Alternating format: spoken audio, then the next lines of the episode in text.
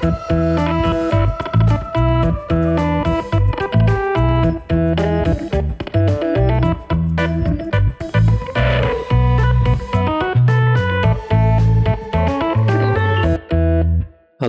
goedemorgen, goedemiddag of goede avond wanneer u dit ook luistert en welkom bij de Brief, de podcast over content marketing en media. En om nog specifieker te zijn, welkom bij Briefly, de thuiswerk-editie. Zoals je misschien al hoort aan mijn stem, praat ik nogal zacht. En dat heb je waarschijnlijk ook wel een beetje gemerkt aan het publicatiemoment van deze uh, aflevering, want het is uh, laat, het is uh, 8 uur s avonds. Op maandag de 23e van maart, zojuist hebben de ministers ons verteld dat de maatregelen nog wat verlengd en aangescherpt worden omtrent de quarantaine en het, het samen zijn in groepen. Mag allemaal niet, niet meer en terecht. Zitten nog steeds op de anderhalve meter afstand. Nog verder van mij zit aan de andere kant van de lijn mijn waardevriend en collega Matthijs Tielman. Hi. Hoi Matt. Hallo. Kan jij, kan jij ook zo kan jij harder praten dan dat ik kan praten? Worden er dan ook kinderen wakker? Nou, hij ligt wel naast me in het kamertje te slapen, maar er zit een dikke boekenkast tussen. Dus ik denk dat het wel enigszins gefilterd wordt door, door de boeken. Maar laat, laten we niet tegen elkaar gaan schreeuwen vanavond. Denk dat dat een goede Dat uh, zou, ik, zou ik niet durven. Zou ik niet durven. Hey, hoe was je weekend? Ja, het was wel erg ontspannen, moet ik zeggen. We zijn ja, zo min mogelijk naar buiten geweest, maar toch wel echt optimaal genoten van de zon. En dat, dat doet je wel goed. En ik merk dat ja, op het moment dat, dat het ge, gejongleer met werk, kind uh, en al dat soort dingen, als dat wegvalt, dus het was gewoon puur kind en chillen, ja, dan was het eigenlijk wel een, heer, een heerlijk weekend. En jij dan? Oké. Okay. Ja, een beetje gekkig hè? Beetje raar, maar wel, uh, wel ontspannen inderdaad. Ik was wel uh, ongeveer dubbel zo verrot als dat ik na een normale werkweek was. Ik was er echt helemaal klaar mee op vrijdag. Ja. en dan is het ergens toch wel gek dat je vrienden niet ziet in het weekend, familie niet ziet in het weekend. Uh, we hebben wel wat uh, geïmproviseerde Skype-borrels gedaan met de schoonouders en met mijn ouders. Zodat ze ook het, uh, het zoontje eventjes kunnen, kunnen meemaken. Maar het, het blijft wel, wel gek. Wel gek. Ja, ik voelde me, ook, voelde me ook vreemd toen vanochtend de wekker weer ging. Dat ik dacht, god, daar gaan we weer een hele week. Um, maar goed, ja. de, de maandag zit, er, zit erop. Heb je, ja. heb je, had je een, een, frustrerende dag? Had je een fijne dag? Wat was het voor maandag? Nou, ik moet zeggen dat waar we het de vorige aflevering over hadden, gewoon het, het je dag in tweeën knippen en uh, gewoon één uh, slot werken met, uh, of één slot werken en één slot, ik wou zeggen werken met je kind, maar nee, ik ben gewoon een halve dag op stap gegaan met die kleine en ja, dat werkt eigenlijk wel goed. Het geeft heel veel rust in je dag. En ja, je mist een hele hoop calls en meetings en, en dat soort dingen. Maar je hebt ook in één keer aan één gesloten gewoon vijf, zes uur dat je kan werken. En uh, ja, dat, dat brengt het leven toch weer wat meer bij normaal. Dus ik moet zeggen ja, ja. Dat, dat, uh, dat, dat wel echt heel chill ging. En uh, ja, we hebben ook een apart kamertje. ja, die luxe hebben we gewoon in huis, hebben we nu ingericht. Ehm, waar gewoon een bureautje staat. En daar zit ik nu ook lekker op te nemen. En ja, dat werkt eigenlijk wel super goed. Dus ook gewoon een keer een beetje positief. En als we dan toch moeten ranten, dan, dan moet ik toch wel even kwijt dat ik echt helemaal gek word dat ik niet kan sporten. Dat gaat wel echt aan je vreten gewoon. Dus ja. uh, daar moet ik nog wat op vinden. Ja, dat is wel een mooi bruggetje. Want uh, ik, ik merk nu aan mezelf dat heel mijn rug naar, de herrie, naar de herrie gaat. Normaal sta ik drie keer in de week in een sportschool samen met een, een vriendelijke, edoch strenge klerenkast van een personal trainer te trainen.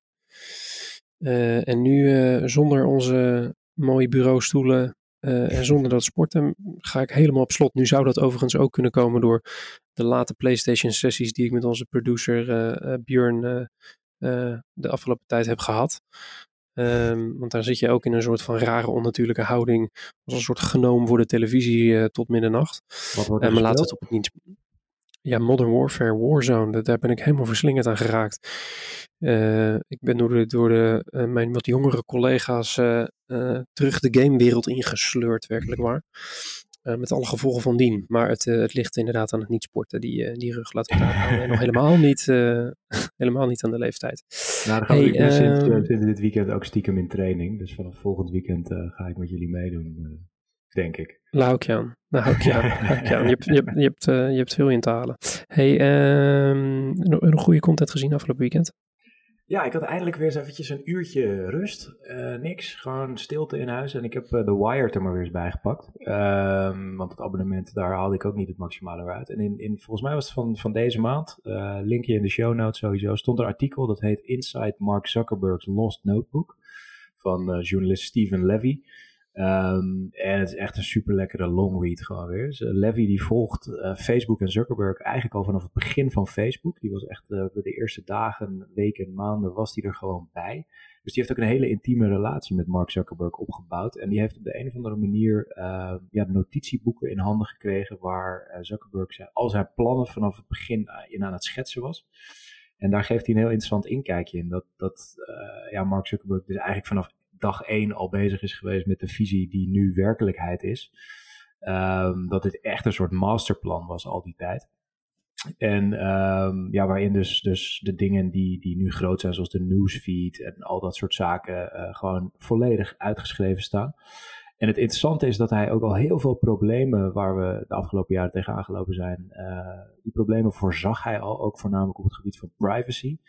En dan merk je dus ook hoe hij ervoor is gaan kiezen op een gegeven moment om, ja, hij noemt zichzelf ergens in een passage ook een, wartime president. Dus dat hij gewoon uh, niet populaire keuzes moet maken, uh, maar wel uh, ja, effectief. En dan effectief voor het bedrijf Facebook.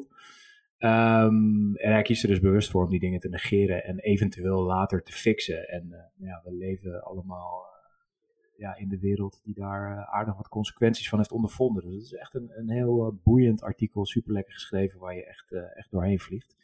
Dus die raad ik je zeker aan. En wat heb was jij het, dan? in, was het in de papieren versie of in de online versie? Ik lees hem online, gewoon op de iPad. Ah, kijk eens, kijk eens.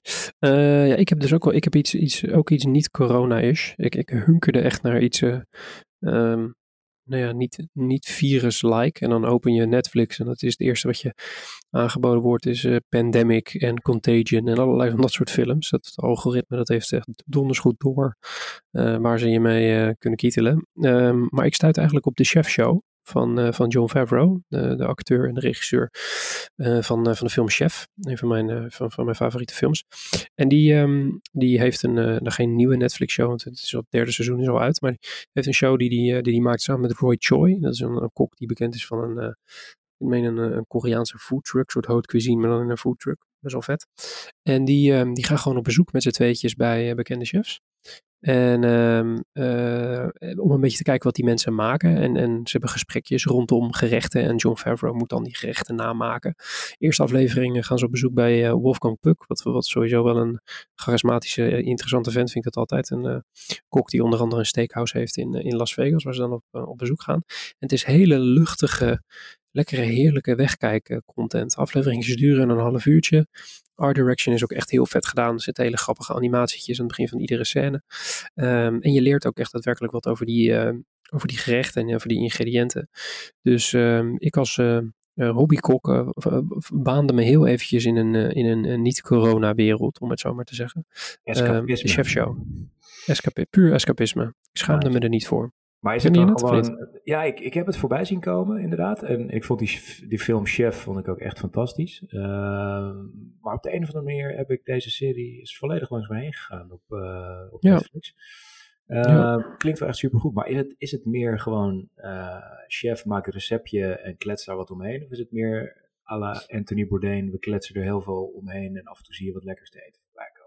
Hmm, het zit er een beetje tussenin. Het is een beetje D66 antwoord, maar uh, in deze tijd hè, is een nuance belangrijk. Um, nee, het, het, het, schommelt er een beetje tussenin. Waar Bourdain echt een hele wereld om die, om die uh, restaurants en om die, om die gerechten heen bouwt en bijna een soort van ja, natuurdocumentaire van maakt, om het zo maar te zeggen, um, zit dit hem echt op de gesprekjes om de gerechtjes heen, om het zo maar te zeggen. Maar het zijn wel de allerbeste chefs van de wereld die dingen voor je maken en dingen vertellen over de verschillende gerechten. En over, op een gegeven moment staan ze steak te bakken en dan bakken ze volgens mij iets van vijf verschillende soorten vlees die allemaal weer verschillende eigenschappen hebben. En dat eten ze dan met z'n, met z'n drietjes en die, die Wolfgang Puck die vertelt er een beetje over. Dus het is, um, het schommelt er een beetje tussenin. Dus het is niet uh, uh, tasty of een beetje YouTube content, maar het is um, uh, ook geen Anthony Bourdain. Dus het zit eigenlijk precies op de sweet spot van, van mijn voorkeuren, om het zo maar te zeggen. Um, dus maar ik, we zetten de eerste aflevering zetten we in de, in de show notes. Dan kan iedereen eventjes zijn eigen oordeel gaan vormen. Is dat een idee? Zeker, ik ben benieuwd. Um, nu heb jij uh, met je ijverige uh, Eager Beaver modus uh, allemaal nieuws opgeduikeld voor deze aflevering. Um, duik erin, zou ik zeggen. Waar gaat yes. het eerst over? we beginnen met Ford. een verhaal wat ik vond op AdAge is dat Ford eigenlijk alle advertenties die ze gekocht hadden en die ze al gemaakt hadden, dus ook de commercials, hebben ze aan de kant gedonderd. En ze hebben nieuwe, nieuwe commercials gemaakt die ze inzetten. En dat is allemaal rondom corona response.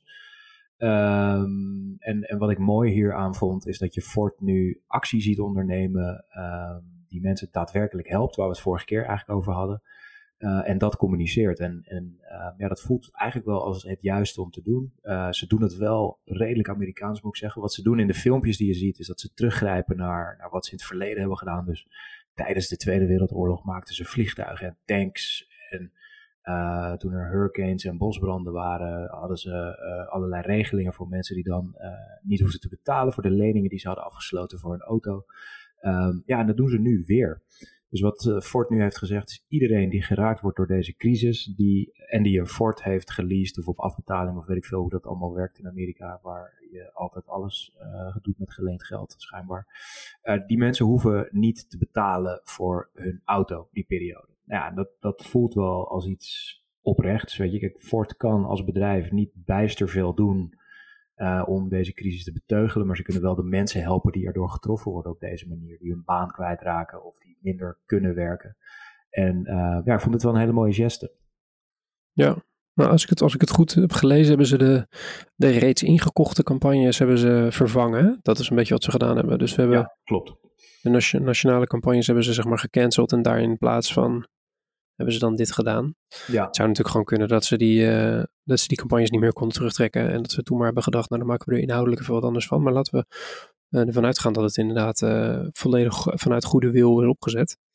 Ehm, ja, is een mooie, mooi verhaal. Zeker ook als je ziet dat, dat ze dus los van de marketing ook daadwerkelijk die mensen van hun betaalverplichtingen ontzien. Dat, ja.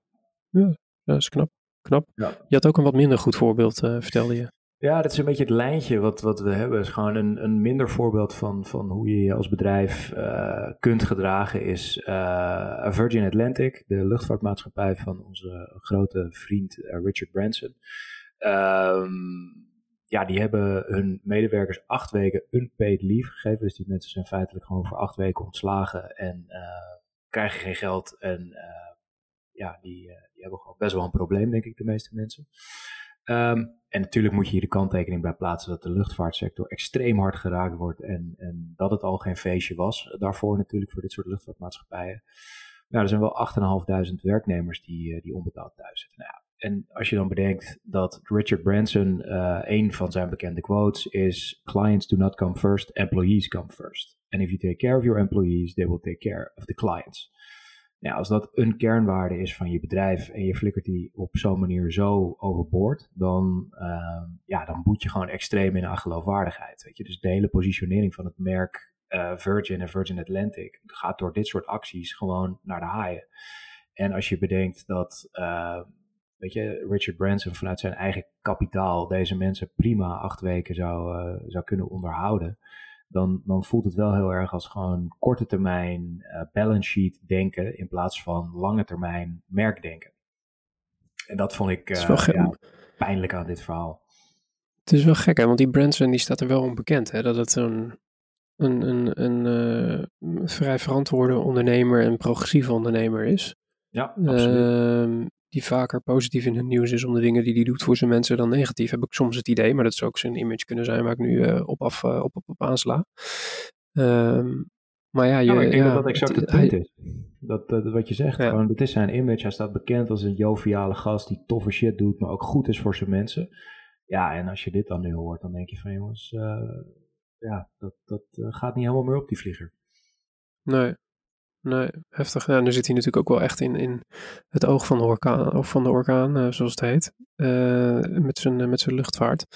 Dat is ja. natuurlijk een, uh, een hoek waar de klappen vallen, logischerwijs. dus wie weet zijn deze rigoureuze maatregelen ook weer bedoeld om andere mensen te beschermen. Dat zou natuurlijk ook weer kunnen. Ja.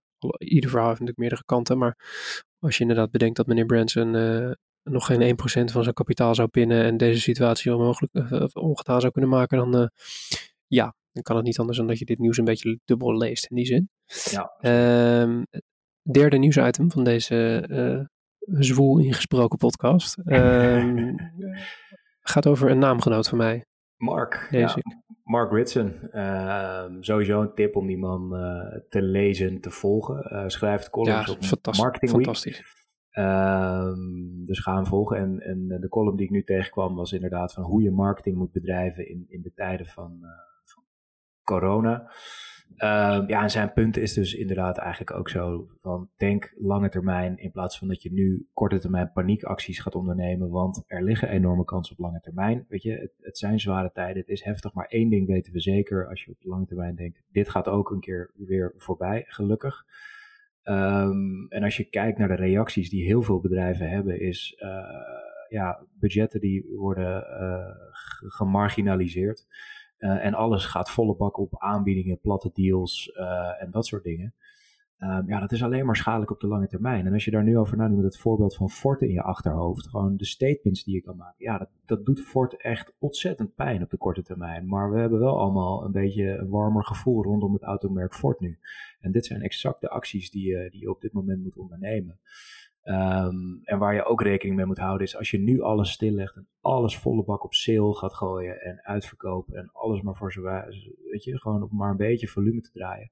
Je sloopt je merk en aan het eind van die periode uh, moet je alles weer gaan opbouwen. Dan begin je eigenlijk weer vanaf nul. En dat gaat waarschijnlijk nog heel veel duurder worden dan, uh, ja, dan dat je het nu in, in stand houdt.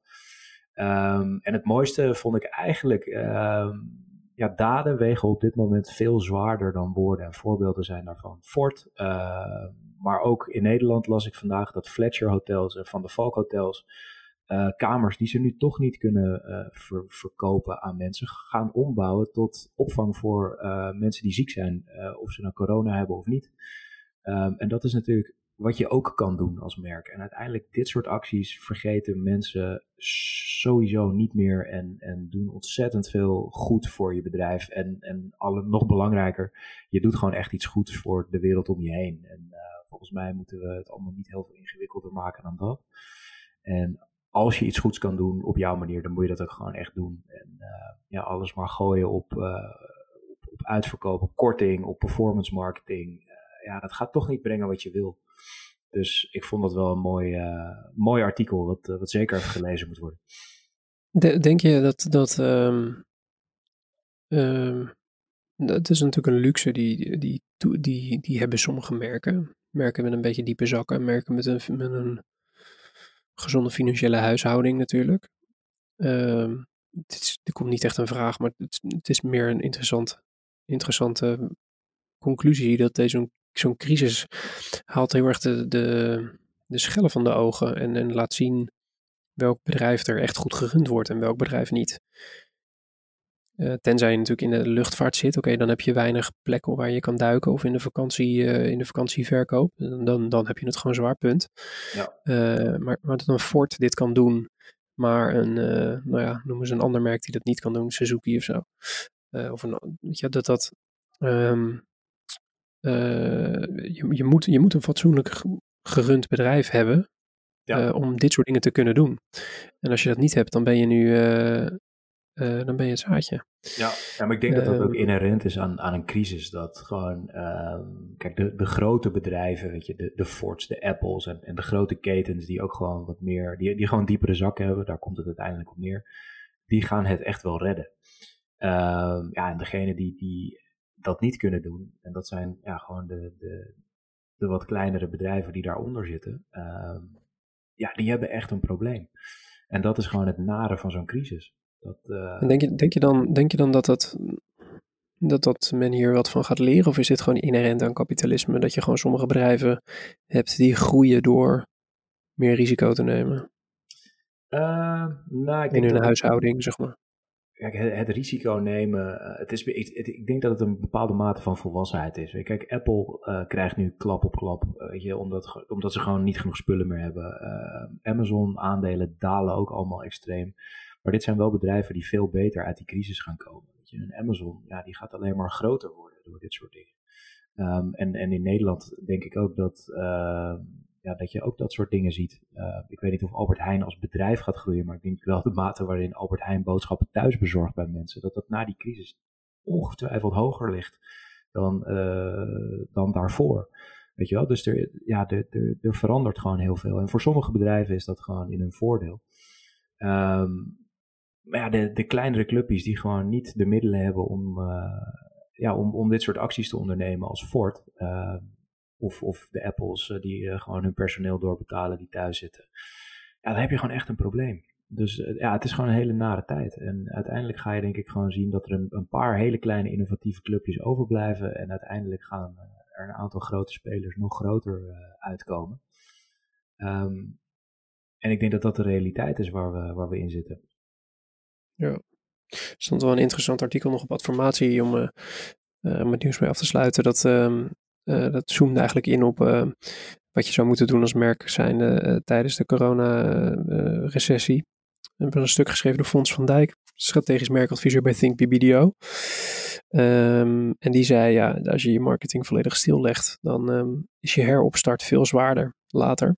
En hij, uh, het is wel interessant, hij haalt een onderzoek aan wat gedaan werd door professor Gerard Telles. Die analyseerde op zijn beurt alweer tien rapporten die um, in, in de US verschillende bedrijven onder de loep namen voor en na een recessie. En, en keken naar hun marketing spend en marketinggedrag, om het zo maar te zeggen.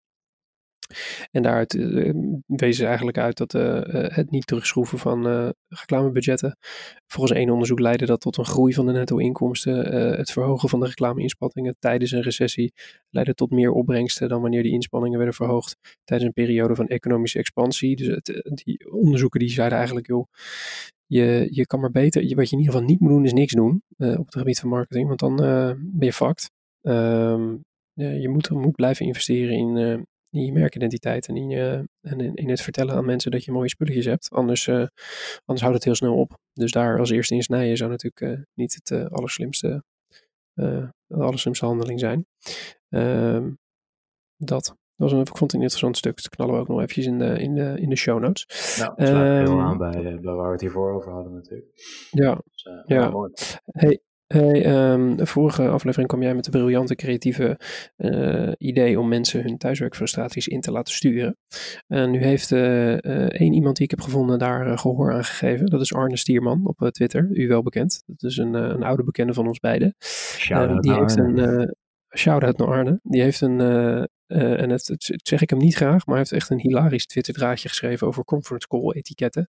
Hij heeft er wel een hashtag van gemaakt, wat natuurlijk een verschrikkelijke hashtag is. Maar de, de, de, de, de, de regels die hij heeft opgesteld omtrent conference calls uh, zijn echt heel erg grappig. Ik, zal er een paar oplezen.